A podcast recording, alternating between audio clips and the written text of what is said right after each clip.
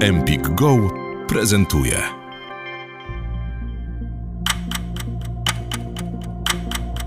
Mamy coraz mniej czasu, żeby uratować naszą planetę. Z jednej strony zmiany klimatu, kataklizmy i wymierające gatunki. Z drugiej pędzący świat, nadmierny konsumpcjonizm, globalizacja i chęć korzystania ze wszystkich dóbr w nieograniczony sposób. Jak to pogodzić? Jak bardzo musimy zmienić swoje życie? Czy mamy szansę zatrzymać proces degradacji planety? Między innymi na te pytania razem ze swoimi gośćmi postarają się odpowiedzieć. Anna Pięta, aktywistka, podcasterka, ekspertka do spraw zrównoważenia w modzie. Areta Szpura, aktywistka ekologiczna, propagatorka ruchu Less Waste. Dzień dobry, w dzisiejszym odcinku Jak uratować świat dowiemy się, dlaczego chowamy wszystko pod ziemniaczki. Tak jest. Dlaczego dzieci tak robią na stołówkach? Bo zwariować tam można. Zacznijmy od tego. Jak uratować świat 2.0?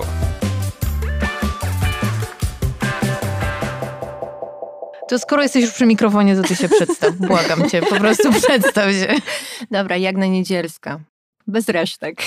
Nie bez resztek. Jak na niedzielska kobieta, trochę instytucja, trochę petarda, trochę rakieta, trochę aktywistka jedzeniowo-spożywczo, zero waste'owa, która robiła w swoim życiu bardzo wiele rzeczy i aktualnie... Niczego nad- się nie boi. też no się mama boi. się pyta do dziś, co ja robię w życiu. Nie To wiem. co ty robisz To w życiu, Jagna? mogę przybić ci piątkę. To Kompletnie jakby nie jej bajka. To To jest... po... Ale no to powiedz, jak, Jagna, co tłumaczysz, robisz jak tłumaczysz swojej mamie? No więc niestety nie da się jednym zdaniem. Słuchajcie, aktualnie prowadzę programy kulinarne w e, stacji Kuchnia Plus. Jeden z nich dotyczy niemarnowania żywności. To jest jak niedzielskie Kuchnia bez resztek i to jest taki projekt, który jest bardzo dla mnie ważny, bo cała merytoryka, która tam jest e, włożona w ten program, to jest moja praca. Prowadzę warsztaty, szkolenia związane z ekologią kulinarną, z Zero Waste. Jestem ambasadorką akcji Audio River Goes Green. To też muszę powiedzieć, bo działamy cały rok z e, festiwalem Audio River. No i chyba tyle. Mhm. No. Ale jesteś też bardzo aktywna na swoim Instagramie. Ja muszę przyznać, że naprawdę jesteś niesamowicie aktywna. Nawet na wakacjach się dowiaduję, że jakbyś miała być owocem, to zwykłym jabłkiem. E, Totalnie śledzę. obitym, obitym takim, takim, wiecie, ze zmarszczoną skórką, e, takie jabłko, które już e, przez nikogo nie No skąd zostaje ta miłość właśnie do tych obitych, biednych i prawie że zmarnowanych owoców i warzyw? Z buntu przeciwko 70% ludności w Polsce, która nie kupuje brzydkie warzywa i owoce, na co ja się nie godzę.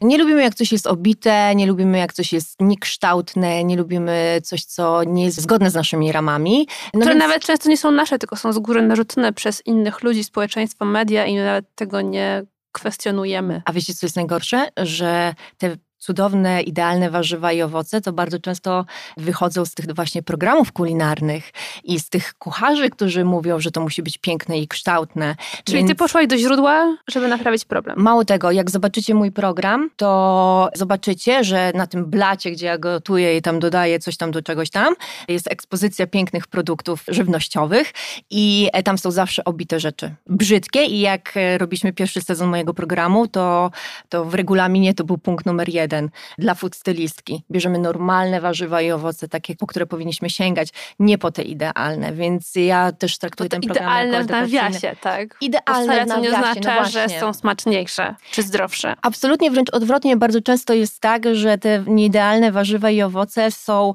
no właśnie, nieidealne. To jest takie głupie słowo. Te właśnie z pomarszczoną skórką i te obite, które nie mają patuliny, bo patulina to jest co innego, to jest, są takie czarne przebarwienia i to już jest pleś, rodzaj pleśni.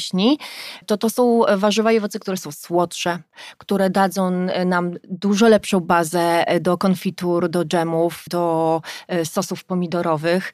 Zresztą, moi drodzy, a propos konfitur, jak kupujecie sobie te konfitury w tych e, słoikach, to wam się wydaje, że kupujecie konfiturę z owoców pierwszego gatunku? Z tych z obrazka. No nie. z obrazka? Mm-mm, kompletnie nie. Wszyscy producenci przemysłowi takich konfitur skupują produkty najgorszego gatunku, gdzie bardzo często jest też bardzo dużo odpadów, takich właśnie spleśniałych i z tego przygotowują wasze cudowne konfiturki. Ale znowu o tym, że jak czegoś nie widzimy, to nam Tak. to y, nie przeszkadza, bo już jest to w pięknie zapakowanym słoiczku, więc nie wiesz, jaki jest Ale e, czy to tam znaczy, składnik. że y, z dżemy są z owoców z pleśnią? Czy to Nie, jest to jakiś oznacza- taki znak, że nie okupować ich, czy po prostu Nie, Nie. to oznacza, że Kupować. to są produkty z drugiego gatunku I czy nam smakują te konfitury? Smakują. Czy coś jest nie okej z nimi? Wszystko jest okej. Dlatego sięgajmy po te produkty i to mnie właśnie bardzo denerwuje, bo my ciągle jakieś, do jakiejś takiej doskonałości dążymy, a to nie o to chodzi. Kompletnie. Natura jest niedoskonała i to jest piękne w niej. Albo właśnie jest doskonała. Albo jest, bo sobie reguluje to i tak z nas Znaczy, że może czasem- po prostu ona powinna dyktować nam, co jest okej, a co nie jest okej. Tylko my musimy się nauczyć słuchać. Dokładnie. Ale powiedz jak, no bo nie zdawałam sobie sprawy, że rzeczywiście aż 70% ludzi patrzy na to, czy jabłko lśni, tak że może, że ci się, nie wiem, można się w nim przejrzeć jak w lustrze. Powiem wam lepiej, to nie o to chodzi, że to jabłko ma być idealne, żeby przyjrzeć się sobie w nim. Jest gorzej. To jest tak, że na przykład jabłko musi w odpowiednim procencie być całe czerwone. Nie może mieć ileś tam zielonych przybarwień. Nie może mieć wypustek. Ja wiem, że banan musi być w odpowiedni sposób wygięty w ileś kąt procent, żeby w ogóle trafił do sklepu. To to mi się nie mieści chore. w głowie, tak. To jest totalnie chore. To jest absolutnie dla mnie nie do przyjęcia. A jeśli chodzi o straszenie, no to jasne, nie ma problemu. to idziemy.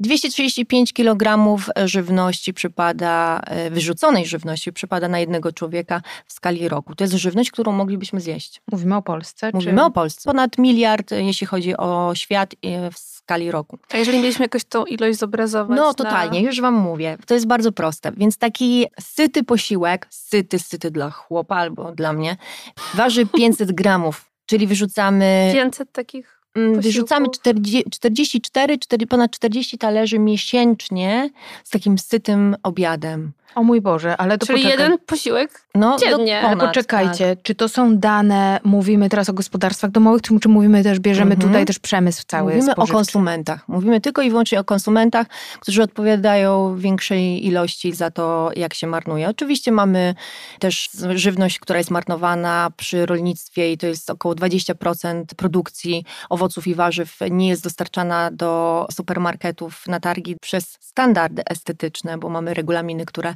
regulują właśnie to, jak te produkty mają Ale wyglądać. wtedy i- przynajmniej trafią na kompost. Lub dla zwierząt. miejmy taką nadzieję. Natomiast bardzo często jest tak, że jak się rozmawia z rolnikami, że oni nie mają mocy przerobowych na to.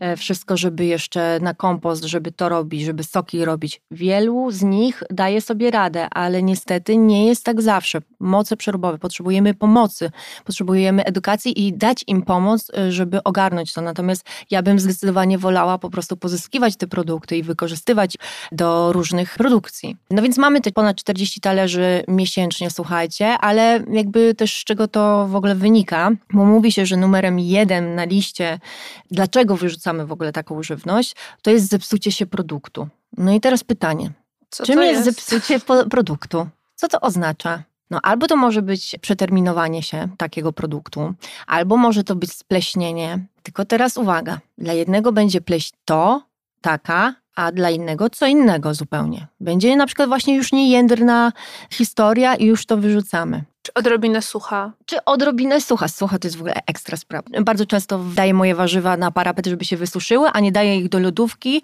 żeby się zmoczyły. Jest taki raport o zmoczonej sałacie. Co prawda dość stary, bo z 2004 roku, ale faktycznie ponoć dość sporym problemem jest to, że wkładamy sałatę do lodówki i ona robi się miękka, nie jest chrupiąca, więc ją po prostu wyrzucamy.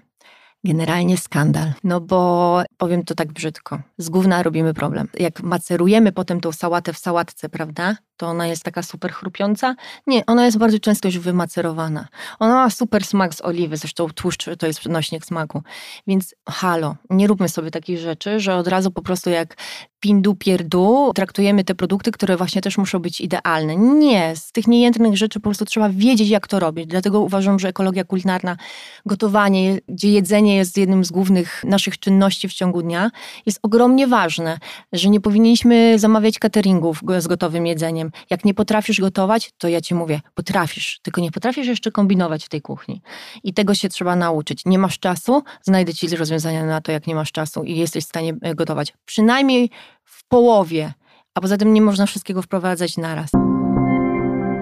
Wysłuchałeś fragmentu odcinka podcastu Empik Go. Słuchaj całości w aplikacji Empik Go. Pobierz aplikację i zarejestruj się już teraz. Wybieraj spośród tysięcy audiobooków, e-booków, audioseriali i podcastów. Masz 7 dni za darmo.